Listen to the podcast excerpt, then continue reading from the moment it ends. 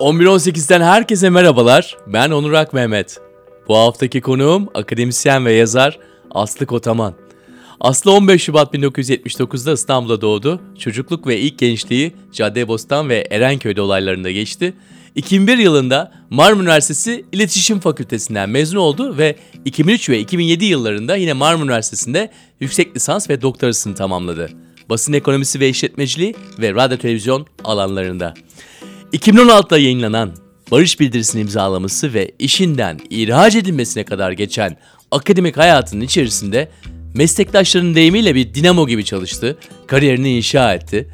Ama ihraç haberini aldığı andan itibaren ise bir sivil ölüm başladı. İşte bu kırılma anı ile ilgili bize kişisel olarak nasıl başa çıktığını anlattı. Ayrıca bu yaşananların da içinde bir kısım teşkil ettiği bir kitap yazdı. Yarın çıkıyor bu kitap. Kara Karga yayınlarından. Kitabın ismi de Zihin Koleksiyoncusu. Sohbetimizin hemen başında Aslı ne kadar enerjiksin dememle birlikte başladık konuşmaya. Buyurun Aslı'nın hikayesini dinlemeye. Ee, benim bir lakabım vardı. Dynamo diyordu bana İrlandalı arkadaşlarım. Dinamo tam olarak o. Ben çok sesli görüntülü bir insanım. Aslında bunu yıllar önce bana bir arkadaşım dediğinde, tanıdığım en sesli görüntülü insansın dediğinde anlamamıştım. Ta ki kendi kızım olana kadar. Çünkü asıl bence benim tanıdığım en sesli görüntülü insan şu an kızım. Bakınca dedim ki aha demek ben buydum dışarıdan böyle görünüyordum. Çok susmayan, sürekli konuşan, sürekli yazan ya da sürekli bir şeyle uğraşması gerektiğini düşünen biriyim. Peki öğrenci ilişkileri nasıldı akademisyenken? Öyle görünmüyor olsa bile bir parça sert biriydim galiba. Sert demek doğru nasıl olduğunu anlatayım. Sert doğru kelime olmuyor belki ama ben çok şey istiyordum, çok talepkardım.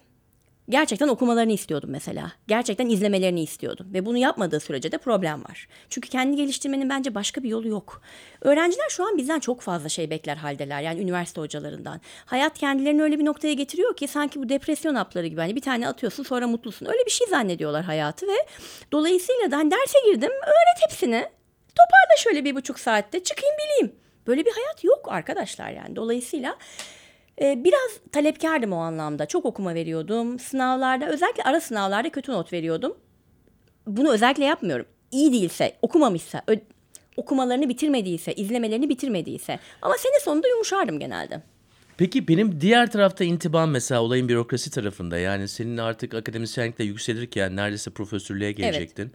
Bu noktada hem kendi taşıyışın, programlara çıkışın yani öğrenci işleri dışında e, sen de artık hani görünen bir şekilde gayet saygıdeğer, kendini çok her türlü şekilde tabii, tabii ki ifade edebilen. Hı hı. O tarafı da gayet rahat yapıyordun. Seviyor muydun o tarafı da? Evet seviyordum. Ya hayat bana şöyle bir lüks verdi baktığım zaman. Şimdi bunu anlamak biraz daha kolay. Sevmediğim işi yapmıyorum zaten. Yani ne bana uygunsa kendimi biraz orada buldum. Öyle olmadığı zaman da bundan hep biraz sıkıldım, gocundum, kurtulmak istedim. Böyle günlük cinlikler yaptım. Hani işte bunu nasıl atlatırım dedim ve sıyrıldım yine. Yani ben başka türlü hele bu saatten sonra yani bir biçimde hayatımda bir kırılma yaşadıktan sonra ve bütün o insanın sahip olduğu kimliği, kendini tanımladığı kimliğini geride bırakabildikten sonra ki bence bu başarılı bir iş. Şu an hele hiç kimse bana istemediğim bir iş yaptıramaz. Dolayısıyla da o zaman da seviyordum. Akademideyken mesela şöyle biriydim e, idari işlerle çok ilgileniyordum. E, bu benim birazcık kanımda var çünkü yani her işe birazcık burnumu sokmaya çalışıyorum ve iyi yapmaya çalışıyorum. O yüzden eğitim yönetim kısmında uzun süre çalıştım. Şeye çok kafayı yoruyorduk biz üniversitede. E, ben de o alanın başındaydım diyebilirim. Ya yüzyıllardır aynı biçimde ders veriyoruz ya. Bunun başka farklı yöntemleri olmalı. Yani bu bir çocuğu karşımıza alıyoruz bir gence. İşte 50 dakikadan 3 saat. 3 saat boyunca yüz yüze iletişimle bir şey anlatıyorsun bu bitti bu dönem. E, karşımızda sürekli telefonuna bakan, oynayan çünkü algısı parçalı insanlar var artık ve bunu bunu bilmek, anlamak, yakalamak zorundayız. O yüzden dersler nasıl farklı yapılır? Yurt dışındaki e, iyi üniversitelerden mezun olan gençlerden farkları olmasın diye meslek anlamında neleri yakalamaları lazım. Hep biraz bunların peşinde koşuyordum. Hatta sırf bu sebeple yurt dışında bir sene çalıştım. E, yurt dışı deyince çok havalı oluyor da Kırgızistan'da çalıştım aslında bir sene kaldım. Orada da eğitim yöneticiliği yaptım. Yani provostum işte oranın müdürü gibi diyeyim. Genel müdürü gibi e, üniversitenin. O zaman yeni e, doktoralı bir akademisyendim. Epey de büyük bir sorumluluktu üzerime aldığım. Yani İngiltere ile ortak akredite bir okul kurma amacımız vardı. Ama onu yaparken de ben bir yandan doçentliğe hazırlanıyordum. Bir yandan kitap yazıyordum. Bir yandan yani yurt dışında sürekli konferanslara gidiyordum. Yani şimdi bilinen tabii o akademisyen e, çizgisinde, kulvarında gayet iyi bir şekilde ilerliyorsun. Yani uluslararası e, tarafları da yanında olmak üzere. Evet. Yayınlar yapılıyor, idari işler, öğrenci ilişkileri iyi derken biraz kırılmadan bahsedelim. Çünkü Tamam. bu kırılma anı e, biraz kişisel bir şey. Biz genelde bunun ne kadar kişisel olduğunu ve herkes için ne mana ifade ettiğini konuşma imkanı bulamıyoruz. Evet, doğru. Çünkü daha büyük büyük konseptlerle, laflarla konuşurken işte barış akademisyenleri deniyor ki sen kendi illa öyle tanımlamıyorsun. İmzacı deniliyor. Evet. Yani o kırılmayı bana sen olarak anlatabilir misin? Tabii ki. Anlatırım. Hatta şunu da söyleyeyim o zaman. Ben bu konuda bir kitap yazdım ve bu cuma çıkıyor. Kara Karga yayınlarından. Tam da bunu anlattım aslında. Bir insanına çünkü biz bilmediğimiz acıların dermanı olamıyoruz. Ee, bilmediğimiz acılarda yanında olmak istesek de arkadaşlarımızın bazen yanında da olamıyoruz. Çünkü nasıl yanında olmamız gerektiğini bilmiyoruz. Bence benim yaşadığımda bu anlamda e, tam da biraz böyle kitap cümleleri gibi olacak. Çünkü çok taze ve yeni ve çok heyecanlıyım bu konuyla ilgili ama bunu tanım bir tür yas dönemi geçirdim aslında. Ama e, hangi kayıpların yası tutulur? Aslında mesela böyle başladım kitaba. Çünkü çevre sizin yas tutmanız gerektiğini bir yandan da düşünmüyor. Çünkü benim elimden kayıp giden hani bir insan değil, somut bir şey değil. Ben mesleğimi kaybettim. Bir sabah kalktım, e, işte yaklaşık bu olay iki sene önce oldu. 7 Şubat'ta ihraç edildim ben. O büyük ihraç edilen güruhun içerisindeydim. Ve ee, o, o sabah normal işime gittim. O yıl Budapeşte Üniversitesi'nden çok iyi bir burs almıştım ve Mart ayını orada geçirecektim. Onun heyecanıyla bir yurt dışı hesap açtırdım Ee, ve işte okula gittim. Okulda e, iki tane film seyrettim akşam kalıp. E, çünkü bir yandan işimin parçası ve filmleri ve dizileri sürekli takip etmek olduğu için.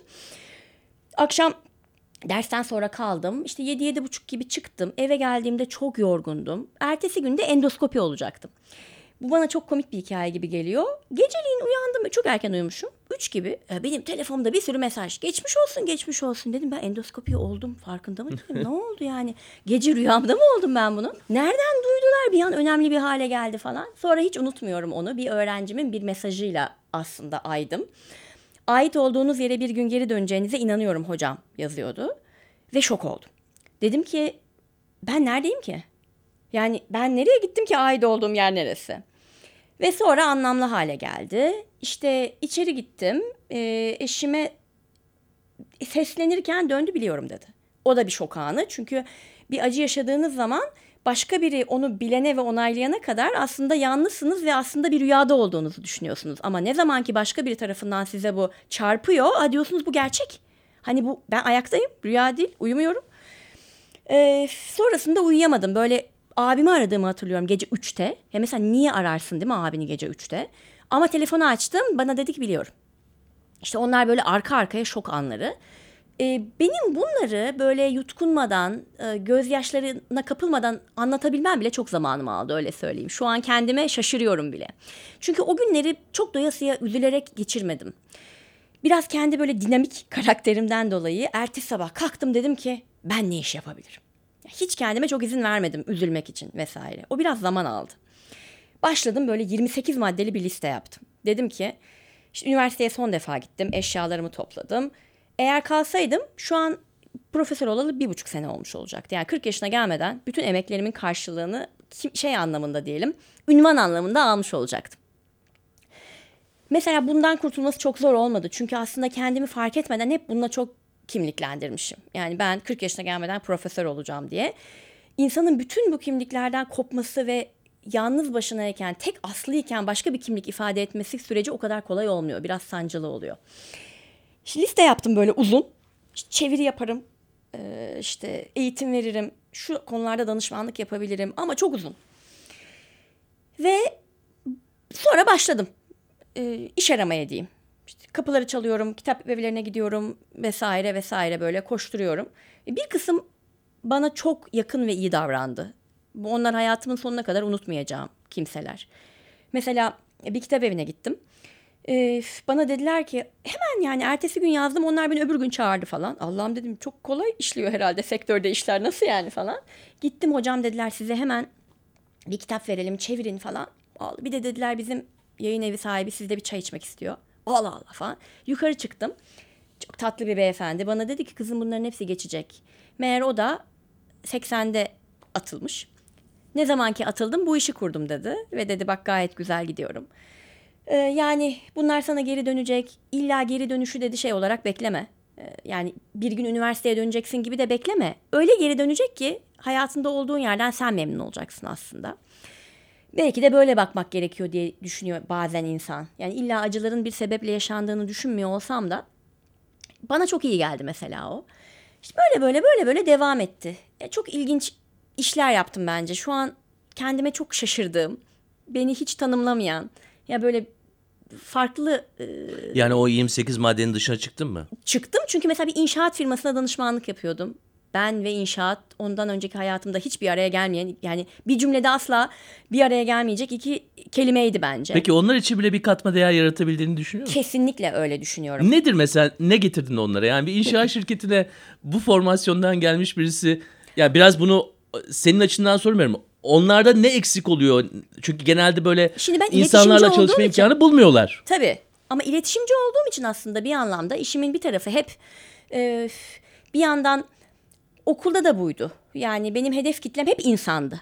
O yüzden de onlara bir biçimde öğretmem gereken şey aslında bir tür kurumsal iletişim işi yapıyordum. Karşılıklı iletişim kurmayı öğretmek, doğru bir e, burada şeffaf bir ortam yaratabilmek iş yerinde, e, hangi doğru kanallarla yola çıkacağımızı anlatmak gibi bir süreçti. Ama benim onlara faydam elbette oldu tabii ki. Emeğimin karşılığını da hep aldım ama asıl bence onların bana çok faydası oldu. Ya hayatın hiç bilmediğim taraflarını tanıdım. Çünkü bir gün mesela e, böyle çok dediğim ya farklı işler yaparken bir gün Ordu'dayım. Bir eğitime gittim.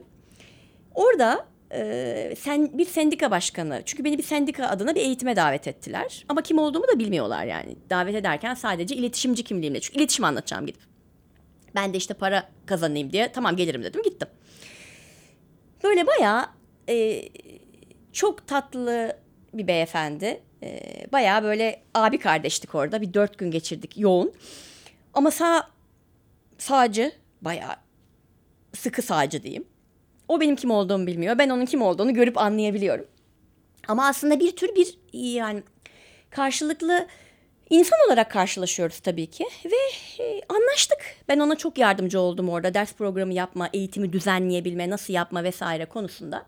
Bir gün böyle dördüncü günü Ordu'da teleferikle yukarı çıkıyoruz. Çünkü dedik hiç göremedin orduyu. Çünkü sırf dersteydim hep. Bayağı da yüksek bir şey o. Bulutların evet. arasına gidiyorsun. Evet. Uçağa binmeden seni dedi bir teleferikle yukarı çıkaracağım. İşte teleferikle böyle yukarı çıkıyoruz. O sırada ben de bir dergi bir arkadaşımın sayesinde bir e, aydınlatma dergisinin çevirilerini yapıyorum. Yani böyle diyorum ya çok acayip işler yaptım diye. Oradan bir, bir tür aydınlatma ile ilgili bilgim oluştu benim böyle kümülatif. İnşaat firmasındayım. Oradan bir inşaat bilgim oluştu. Biz böyle sendikacı abimle inşaat aydınlatma konuşuyoruz yani böyle orduda teleferikle yukarı çıkarken. Ben böyle aşağı baktım. İşte şimdi asıl ben neredeyim ya dedim. Yani dünya beni nereye getirdi böyle? Çünkü ondan önce son derece tahmin edilebilir bir hayatım vardı aslında. O yüzden de ben onların bana çok şey kattığını düşünüyorum. Ya sen Hiç... kendine de şaşırıyorsun tabii. Yani bir iletişimci olarak gerçekten de iletişiyorsun. Ama yani hocalık biraz şeydir ya yani hani yapamadığını öğretirsin diye bir basma kalıp tabir vardır. Sen aynı zamanda rahatlıkla bunu yapabildiğini de görmüşsün. Evet, yok yapabildiğimi öğretiyorum diyeyim. O, o net bende. Ama e, şu var, hani ve bence bu bir artı. Çok doğru söylüyorsun aslında. E, maalesef artık böyle üniversitelerde durum. Ben bu yüzden tahminim öyle, ayrıldıktan sonra da öyle hissettim. Böyle sevilen ve faydalanılan hocaydım aslında. Ee, bir gün şey demişti benim bir öğrencim. Unutulanlardan kim hatırlanıyor ki şimdi diye bir tweet attım. Kendimle hiç ilgili değildi. Neyle ilgiliydi? E, bu e, botta can veren e, çocuk vardı ya Suriyeli. Onunla ilgiliydi. Bir yıl geçmiş üstünden o zaman bir yıl geçmişti. O benim canımı çok acıtmıştı kendi çocuğumda olduğu için. Onunla ilgiliydi. Samimi olarak onunla ilgiliydi. Aklımın ucundan kendim geçmedim. Ve bana böyle iki ekranlık bir yazı geldi. Siz hatırlanıyorsunuz hocam diye.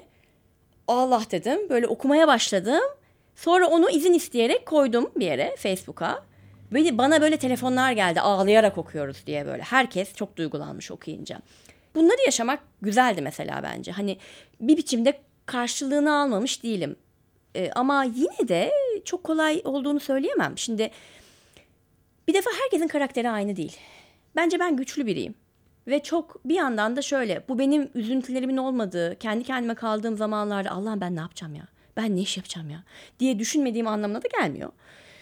Ama bir parça daha kolay ilerleyebiliyorum diyeyim. Çünkü sürekli olarak kendime bir iş yaratıyorum. Ama herkes için böyle olmuyor. Rast gitmeyebiliyor. Hayat çok zorlaşıyor bir anda elbette ki. Çünkü bir tür sivil ölüm anı bu. Hani hiçbir şey yapamıyorsunuz aslında. Ç- çalışam yani sigortalı çalışamazsınız. Pasaportunuz yok. Ee, emekliliğiniz yok. Sigortanız yok. Bunların hiçbiri yok. Benim de yok şu anda.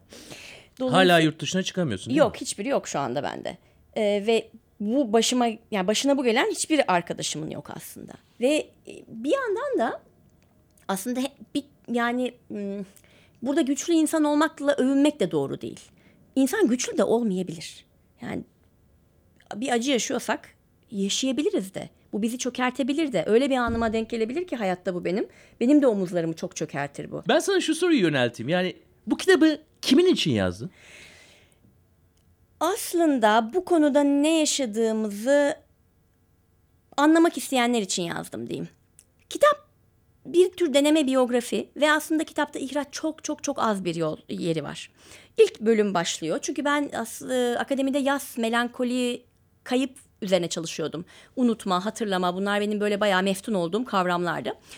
Dolayısıyla kayıp ve yas üzerine o kadar uzun yıllar çalıştım ki kendim ilk defa bir şey kaybettiğimde e, çok şükür diyeceğim yani ilk defa derken de hani bu anlamda ama büyük bir şey kaybettiğimde kimliğimle ilgili böyle bir şey yüzüme vurduğunda Allah elimden ne gitti böyle dediğimde bir sürü kavram aklıma gelmeye başladı tabii ki. Tanımlayabiliyorum çünkü yani akademisyen olduğum için. Ha, ben şunu yaşıyorum. Şu an şu devredeyim. Bundan sonra başıma bunlar gelecek. Ama bir yandan da benim için ilginç olan şuydu. Ben aslında çok ciddi bir yaz dönemine girmiştim. Dışarıdan hiç görünmeyen bir yaz dönemine.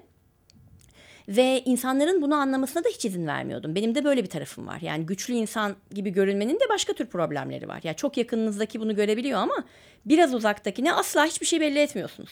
Hiç canım acımadı. Hemen kalktım. Acımadı ki. Çarpmadım, vurmadım. Bu da çok doğru değil. Aslında yaralanıyorsunuz çünkü. Bana şeyler falan çok ilginç gelmişti. O zaman daha çok okumaya yani hakikaten de daha çok okumaya. Yani akademideyken çok daha fazla kitap okudum. Çok daha fazla film seyrettim. Çok net söyleyebilirim çünkü vaktim de var. Kendi kayıplarıma ne iyi gelir acaba diye düşünmeye başladım. Başka kaybeden insanların hikayelerini okumaya başladım. Mesela Ne gibi mesela? olan. E, ne gibi derken Yani şöyle. başka kayıplar bir insanı kaybetmek gibi bir şeyle de Hepsi, mi tüm paralellik kayıplar kuruyorsun? tabii bütün soyut ve somut tüm kayıplarla ilgili. Mesela şöyle söyleyeyim antik Yunan felsefesine daha düşkün oldum. E, Stoa felsefesi okudum. Çünkü aslında onlar kayıplarla yüzleşmenin çok başka bir yöntemini gösteriyorlar bize. Diyorlar ki hayatın hep içinde kayıp. Zaten bizim onu dışarıya itmemiz, tükaka yapmamız yanlış. Senin hayatında mutluluk nasıl varsa acı da hep olacak. Ve hayat aslında bununla beraber bir bütün. Biz şu bugünkü hayatta sürekli mutluluk peşinde koştuğumuz, sürekli has peşinde koştuğumuz için işin bu kısımlarını kaçırıyoruz. Hayat hayal kırıklıkları, e, işte e, kayıplar bunların hepsiyle beraber örülüyor. Bunun da senin hayatın olduğunu, bunun son derece normal olduğunu anlayabilmek ve bununla devam etmek adına bana çok şey verdi mesela bu. Erdoğan Özmen'in bir kitabını okudum. Vazgeçemediklerinin toplamıdır insan diye. Epey böyle merak ederek sarılmıştım. E, onda da benzer bir şey söylüyordu aslında. Bu acılar hepimizin acıları. Biz hepimiz sürekli ayağımız tökezliyor ve tekrar ayağa kalkıyoruz. Bunların hepsiyle barışık olmayı öğrenmemiz lazım. Normal bir hayat bu demektir aslında diyordu özünde. Ve ne zaman ki başka başka insanların yani ressamların acıyı ve kaybı nasıl resmettiğine bakmaya başladığımda, bu gözle bakmaya başladığımda diyeyim. Acaba e, benim kaybımı hissetseydi mesela Modigliani beni nasıl çizerdi diye düşünmeye başladığımda bunun bana çok iyi geldiğini fark ettim. Ve o zaman o bir süreçti. O zaman dedim ki bir ben bir kitap yazıp bana iyi gelen bütün yazarlarla, felsefecilerle, e, ressamlarla ve yönetmenlerle herkesi tanıştırmalıyım. Çünkü belki onların da işine yarar. Ee, bir ikincisi bu dönemde ne yaşadığımı çok samimi anlatmadıysam eğer şimdiye kadar hani gerçekten üzüldüğümü aslında gerçekten ağladığımı tek başıma kaldığımda bunları söyleyemediysem eğer e, oradan bakın okuyun beni lütfen bir daha söyletmeyin çünkü ben bu şeyleri kolay, kolay konuşamıyorum demenin yöntemiydi biraz. İlk çok ağladığım günü şöyle hatırlıyorum mesela kızımın şeyi için e, anaokuluna başlayacaktı. Anaokulu için şeye gittim, kayda gittim. Kağıdı elime aldım. Aradan epey zaman geçmişti öyle söyleyeyim. Şubat'tan sonra ne zaman başladı? Ekim'de başladı işte. Eylül'de başladı. Yani 9-10 ay olmuş artık. Aldım kağıdı elime mesleğiniz yazıyor. Ben buna ne cevap vereceğim ya dedim. Ben kimim? Hiçbir şey yazamıyorum. 20 senelik akademik birikimim var. Yani şu an aslında atılmasam profesör yazacağım oraya. Ben ne yazacağım buna? Orada çok ağlamıştım. Ama işte hepsi geliyor geçiyor yani. Aslında ayakta durmayı başka bir şekilde öğrenmek lazım. Bugün buradayız. İyi olmadı mı? İyi oldu. Ee, bu titrer de etrafımızda böyle yörünge gibi gittikleri zaman aynı zamanda bizi de belli bir yerde tutuyorlar. Yani doğru, doğru, doğru. tutsak hale getiriyorlar ama sen biraz önce şey dedin. Etrafıma da e, eklektik bir şekilde insanları toplamışsın yani tarihten ressam olsun. Sanki e, onlar yörüngende olsun. İlla hani Evet, belli profesörlük işte efendim banka hesabı Evet, evet, değil evet. de diğer insanlar ve birbiriyle normalde belki de disiplinler arası çok fazla çalışmalar da yok ya. Yani Evet, evet, e, çarpışmayacak insanların da çarpışmasını sağlamak gibi. Doğru, e, güzel bir ifade bu aslında Onur. Şöyle, şimdi ben mesela bunu yapmaya başlayınca dedim ki ya aslında ben bu deneyimi e, bir tür eğitime dönüştürebilirim. Hiçbir zaman ben aslında tam olarak şey yapmamıştım zaten. Yani böyle çok motomot ders anlatan, PowerPoint'ten, slide'den bir şey okuyan bir hoca hiçbir zaman olmadım. Oturarak ders anlattığımı bilmem hayatımda.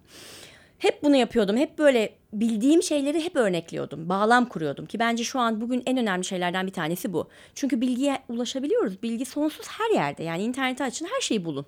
Ama bu değil işte yani. Hepsini bulabiliyor olmanız Shakespeare'i çok iyi anladığınız anlamına gelmiyor bir anda. Ee, ben ne zaman ki işte böyle kitabı yazarken ve bir de e, karşıda bir eğitime başlamıştım. Orada fark ettim ki ya ben bu işi bu işi yapabilirim aslında.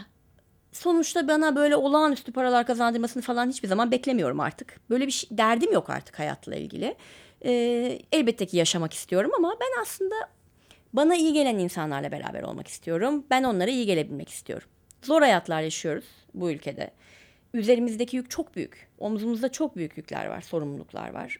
Belki de olmaması gerektiği kadar. Sürekli olarak politika ile bir biçimde ilgilenmek zorundayız.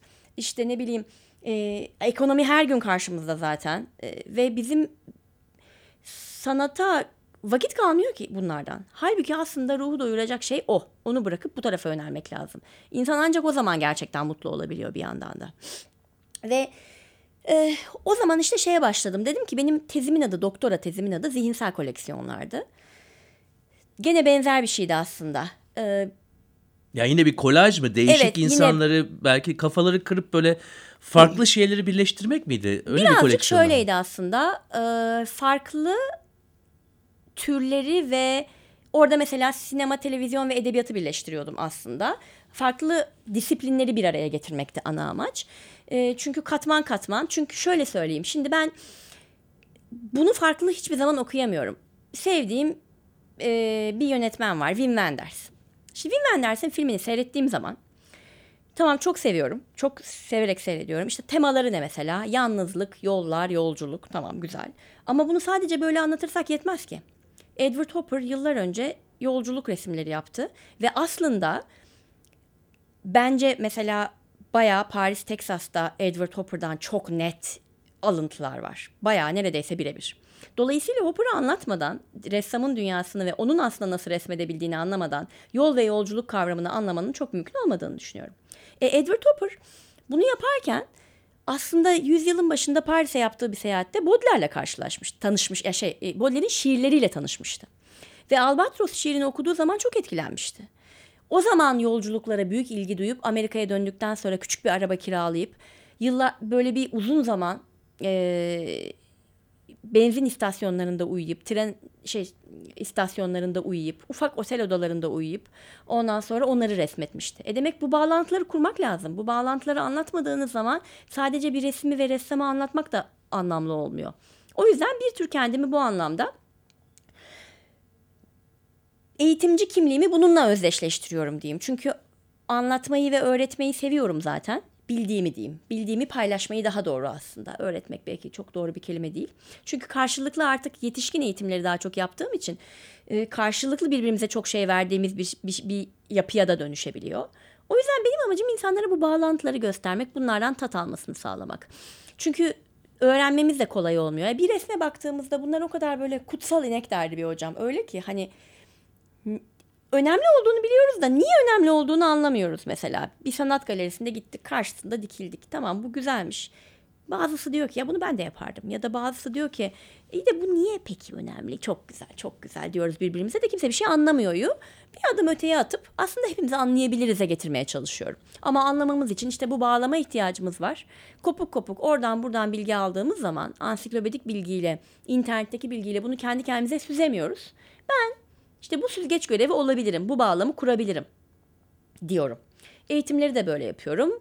Aslında şeydeki yazılarımı da böyle yazıyorum T24'teki. Ee, her şeyden biraz örnek var. Tam kendim gibi yapıyorum. Mutlaka bir resim oluyor. Birkaç resim oluyor bazen. Filmler oluyor. Diziler oluyor. Aslında kendi böyle küçük bir tür şey onlar bence. Böyle not, ders dinler not alırsınız ya. Onun gibi yapılabilir. Eğer bu konuyla ilgileniyorsan aç oku bak ben bunları okudum ve bunlar güzel demenin bir yöntemi bence o. Ya evet bu bir nasıl müze küras, e, kürasyonu varsa onun gibi esasında her yazında da o kürasyonu görüyorum ben. Evet. E, yani T24'lük yazılarına nispeten yeni başladı ama ve kitabı çıkacak bu cuma. E, bizim için nasıl bir dünya yaratıyorsun? Ya yani bizi biraz daha böyle e, kızgın hale getirip daha radikalleştirip şey de yapabilirsin. Yani bizim şu andaki senaryomuz ne hocam 2019'da? Bizim hikayemiz ne? evet. Şöyle söyleyeyim. Ya hiçbir zaman olaya böyle e, nasıl söyleyeyim? Ben kendi açımdan kişisel olarak hayata hep çok kötümser bakan biriydim. Bu kırılma bana bence yavaş yavaş kafama vura vura şöyle bir şey öğrenmemi sağlıyor diyeyim. Bugün daha dün düşündüm. Dün arabada, araba kullanıyorum. E, dedim ki böyle başka hayatımda ters giden şeyler de var. E, ve hakikaten de bir yandan da şey güzel işler yapıyorum evet. Ama bu hayatımın bütününde oluşturmuyor yani işte pazar günü bir tane yazım çıkıyor. Ben onu yarım günde yazıyorum ama onun dışında koca bir hayat var yani bunun arkasında. Bir eğitime gidiyorum yine var. Mesela kalkıp sabah yıllardır bir okula gitmiyorum, üniversiteye gitmiyorum, bir derse girmiyorum, bir konferansa gitmiyorum, yurt dışı gezisine gitmiyorum, tatile gitmiyorum, ne bileyim anlatabiliyor muyum gibi. Ee, ve düşündüm böyle yaptım. Bunların hiçbirini yapamazken kendimi nasıl bu kadar huzurlu hissedebiliyorum acaba dedim. Işıklarda dururken kendi kendime düşünüyorum bunu. Sonra düşündüm. Ya gerçekten öyle ben huzurluyum galiba şu an. Bu paha biçilemez diye düşündüm. Hiç kimseyi daha politize etmek ve daha sinirli bir mizaca, sert bir mizaca davet etmek gibi bir arzum ve isteğim yok. Böyle de olmamalı. Bence şöyle olmalı. Bizim birbirimize ihtiyacımız var. Bunu kabul edeceğiz. Ee, giderek zaten böyle daha küçülen, okuyan, eden, yazan, çizen, bu, bunlara ilgi duyan, kültüre, sanata merak duyan kişiler olarak aslında daha sık karşılaşıyoruz zaten. Ee, çemberimiz daraldıkça o çemberin içerisinde birbirimizle daha sık karşılaşır hale geldik. Ben bunu söylüyorum daha çok benim gibi insanla bunlara ilgi duyan, benim gibi derken kastım tam da bu. İlgi duyan insanla bir araya gelmek ve hayatımı böyle geçirmek istiyorum. Çünkü bu bana birazcık huzur veriyor. Yakın arkadaşlarımdan bir tanesi bu eğitimlerimin tümüne geldi neredeyse. Ve bana çok garip geliyordu ilk başta. Benim için ilginç bir deneyimdi eğitimin en başı. Çünkü daha önce ben hep bir öğrenci, bir hiyerarşik sistemde ders veriyordum. Yani ben hep hocaydım. Ve karşımdakilerin de bana ismimle hitap edebilmesi imkansız. Hani şimdi Türkiye'deki akademide diyorum. imkansız değil tabii ki ama öyle bir yapı var yani. Hiyerarşik. Ha, sonuçta siz ona not vereceksiniz. Bir de böyle bir şey var. Ama burada bambaşka bir ilişki var yetişkin eğitiminde. Arkadaşım geliyor her hafta. Annem geliyor, teyzem geliyor falan. İlk başlarda dedim ki bakın bir sürü ben böyle anlatırken espri yapıyorum. Böyle aile esprisi var, teyze esprisi var. Alınmak, gücenmek yok. Bir, öncelikle o. İki, ona çok alıştım ve şunu fark ettim ki e, böyle şeyle ilgileniyordu. E, atçılıkla ilgileniyordu. E, yarış değil ama Kim? atı o arkadaşım. Böyle at beslemek, e, nasıl söyleyeyim, nasıl yetiştirilir. Bana bu çok ilginç bir hayat gibi gelmeye başladı ve o alanla ilgili filmleri seyretmeye başladım. Sonra o bana derse geliyor. Bir şeyler anlatıyorum eğitimde. Çıkıyoruz. O bana atçılığı anlatıyor. Böyle bir hale dönüştü ve o kadar keyifli oldu ki bence. Tam da bunu istiyorum aslında. Böyle birbirine bir şey verebilecek insanlarla çemberi daha da genişletmek. Ee, Seneca'nın şöyle bir geçen hafta aşkla ilgili bir eğitime gitmiştim. Ee, oradan söylediğim bir şeyi aktarayım. Yine Seneca'dan örnek vereceğim ama bugün bizimle herhalde kendisi. Diyor ki size iyi gelebilecek ilişki biçiminde aslında öncelikli olarak karşılıklı bir şeyler öğretmek vardır. Bugün biz bunu tümüyle kaybetmiş durumdayız. Düşünün yani eşinize, sevgilinize ben bugün eğitim yaptım. Bugün geldim şimdi bunları sana anlatacağım dediğinizi böyle bir anda sen bana ders mi veriyorsun ya? Bambaşka bir şey. Ama bu mesela o dönem için son derece normal. Karşılıklı bir şeyler öğrenebilmek ve böyle insanlarla tanışmak. Benim hayattan beklentim gerçekten artık bu. Biraz da şey tabii ki. E, bu devam etmesini istiyorum bunun. Yazmaya devam edebilmek, e, işte konuşmalar yapmaya devam edebilmek istiyorum. Kendimi anlatabilmek hep çok hoşuma gidiyor. Bunlara devam etmek için de yeterli parayı kazanabileyim bana yeter. Onun dışında bir şey istemiyorum. Ama tabii böyle pasaport falan geri gelirse onlar çok iyi olur. O artık insan hakları tarafına giriyor tabii tabii yani. onlar onlar iyi olur yani. O zaman sen arabada kırmızı ışıkta durduğun zaman o huzurun anlamı oydu. Yani çember içerisinde daha fazla çarpışmanın olduğu Evet. ve çemberin de belki de genişlediğini Evet. hissettim biraz. Ben inşallah bu genişlemeye bir faydam oluyordur mesela. Ümit ediyorum ki öyle. Ee, ben kitapta da benzer bir şey söyledim. Ee, ben aslında kendimi bir yazar olarak tanımlamıyorum. Ben bir okurum. Ama ben e, okurken yazıyorum. Yani bu aldığım notların bir bütünü gibi dedim. Ümit ediyorum tabii kendimi daha çok öyle tanımlayabileceğim günler gelir. Çünkü e, o işi çok o işi yapmayı çok seviyorum yani yazmayı. T24'teki yazılarından e, benim en çok ilgimi çeken ahlak üzerine yazdığım bir yazı oldu. İnsan Ee, mutsuzken ahlakçı olur. Birçok kişiyi de etkiledi. Evet. Ee, biraz önce bahsettiğimiz konularda yani biz kimiz, biz 2019'da ne yapıyoruz Evet. dediğimiz zaman tabii o çemberin e, başka tarafları da var. Çember dışı da var. Evet. Ee, biraz oradan konuşalım mı ya? Nedir gerçekten senin için bu ahlakçılık? Şimdi orada e, çok ilgi çektiği kadar çok fazla şey de aldım ben. Yani hem olumlu hem olumsuz eleştiri. E, orada ben aslında Proust'tan bir ödünç alıyorum kavramı. Genel olarak zaten hep böyle yapıyorum. Bir tür taşıyıcıyım yani. Şunu söylüyorum. Biz e, birinci söylediğim şu. Çok fazla maske takmak zorunda kalıyoruz hayatta. Ve e, gerçekten yapmamız gerekenleri, sorumluluklarımızı, aslında kim olduğumuzu bunlara bir tarafa bırakmadığımız zaman hiçbir zaman gerçekten ben olup mutlu olamıyoruz. O bir sürü ben var ve onun dışına çıktığın zaman mesela yurt dışında bir tatildesin yaptığın hiçbir şey yok aslında bir kahve içiyorsun bir yerde ama özgür hissediyorsun kendini. İşte bu özgürlüğü artık çok hissedemiyoruz burada. Yani yaptığımız şeylerde sürekli böyle bir acaba doğru mu yapıyorum? Acaba bunu okuyor biri yanlış anlar mı? E, inanın şeyde bile ben sadece sizin çok beğendim dediğiniz yazıda bile Twitter'da birisi altına küfretmişti bana. Ya bu bile oluyor. Artık o kadar fütursuzca herkes birbirine e, kötülüyor. Destek olmuyor ki diyeyim. Ya bir kişi küfretmiş canım. O, o da yani günümüzün normali değil mi? Yani onu e, anlamaya çalışıyorum şu anda. Ama işte günümüzün normali ne ya? Niye öyle olsun? Ben de ben onlara takılıyorum aslında biraz. Hala onlara takılıyorsun. Yani diyelim bir yazı yazdın. Bir kişi küfrediyor. Yani en azından ne bileyim bir reaksiyon olmuş yani.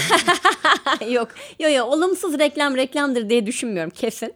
Ee, şöyle, e, onlara takılıyorum derken ya hayatımı buna takılarak geçirmiyorum. Ama sadece bu bana bir bir şeyi gösteriyor. Somutlaşmış hali aslında onun. Bugünün sorununun somut hali o. Kristalize olmuş hali. Çok kolay insanlar birbirlerine bir şey söyleyebiliyorlar. Arkasındaki emeği bilmeden, yapılanı bilmeden, anlamadan, yazıyı hiç anlamadığı çok netti. Hiç bence okumamış hatta o kadar netti.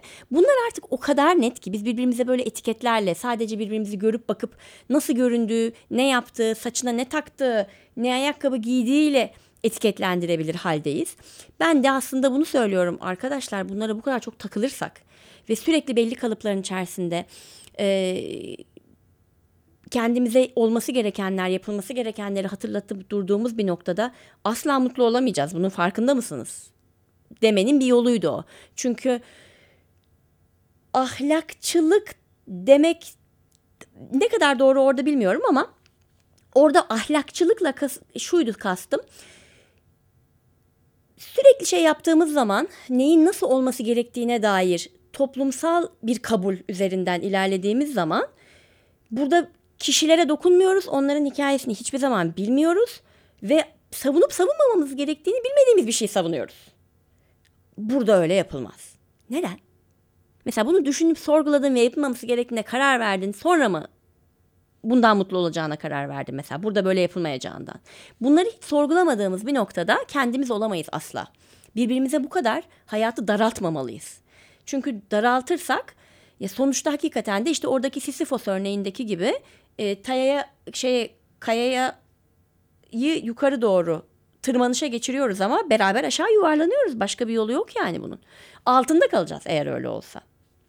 Ama önerim şuydu orada da.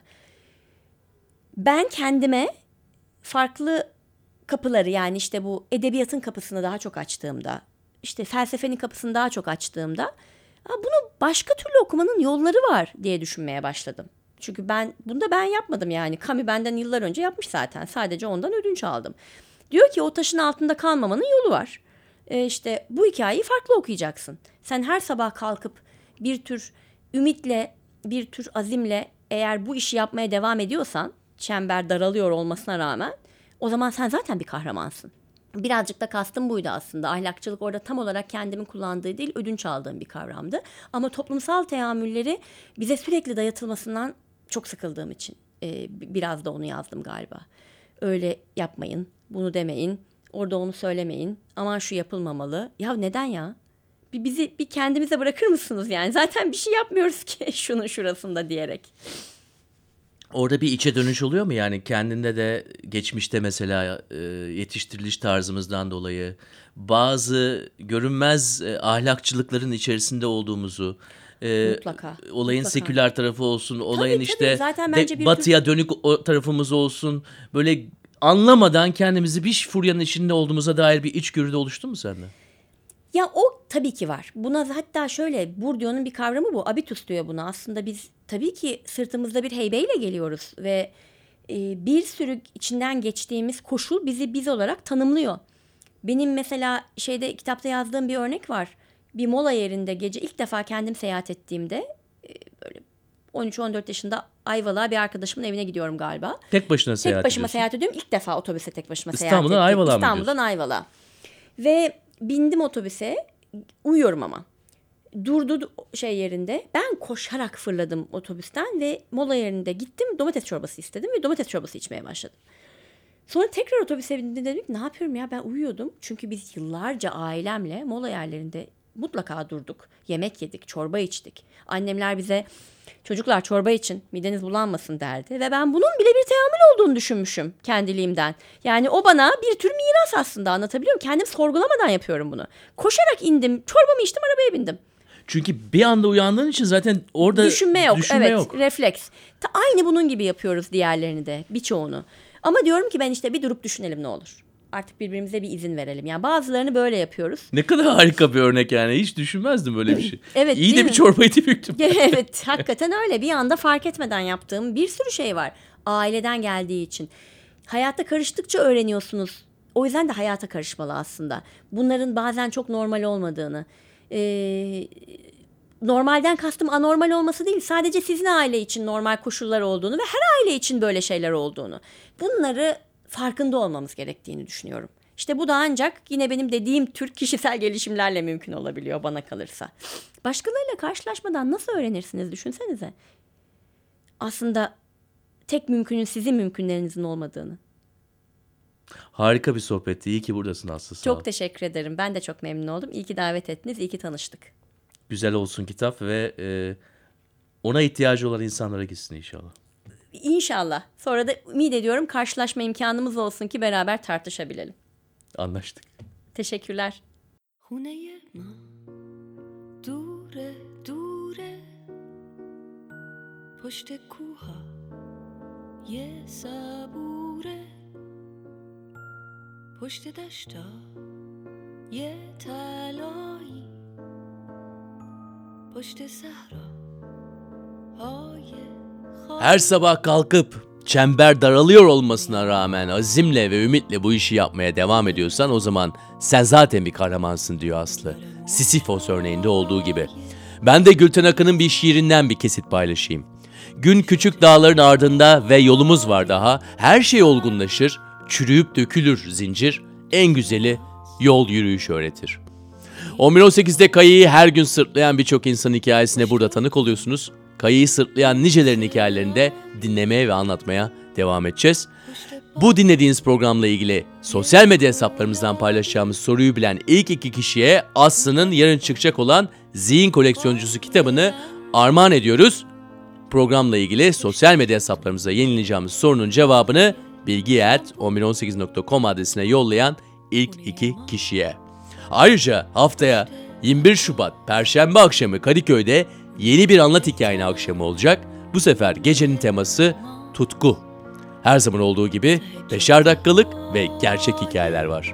Tüm anlatmayı ve dinlemeyi sevenlerle buluşmak üzere. پشت بارون پشت دریاست خونه ما قصه داره آلبالو و پسته داره پشت خنده ها یه گرمش.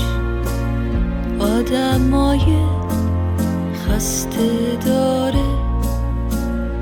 خونه ما شادی داره. توی حوزاش ماهی داره. کوچه هاش تو بازی داره. گربه های نازی داره.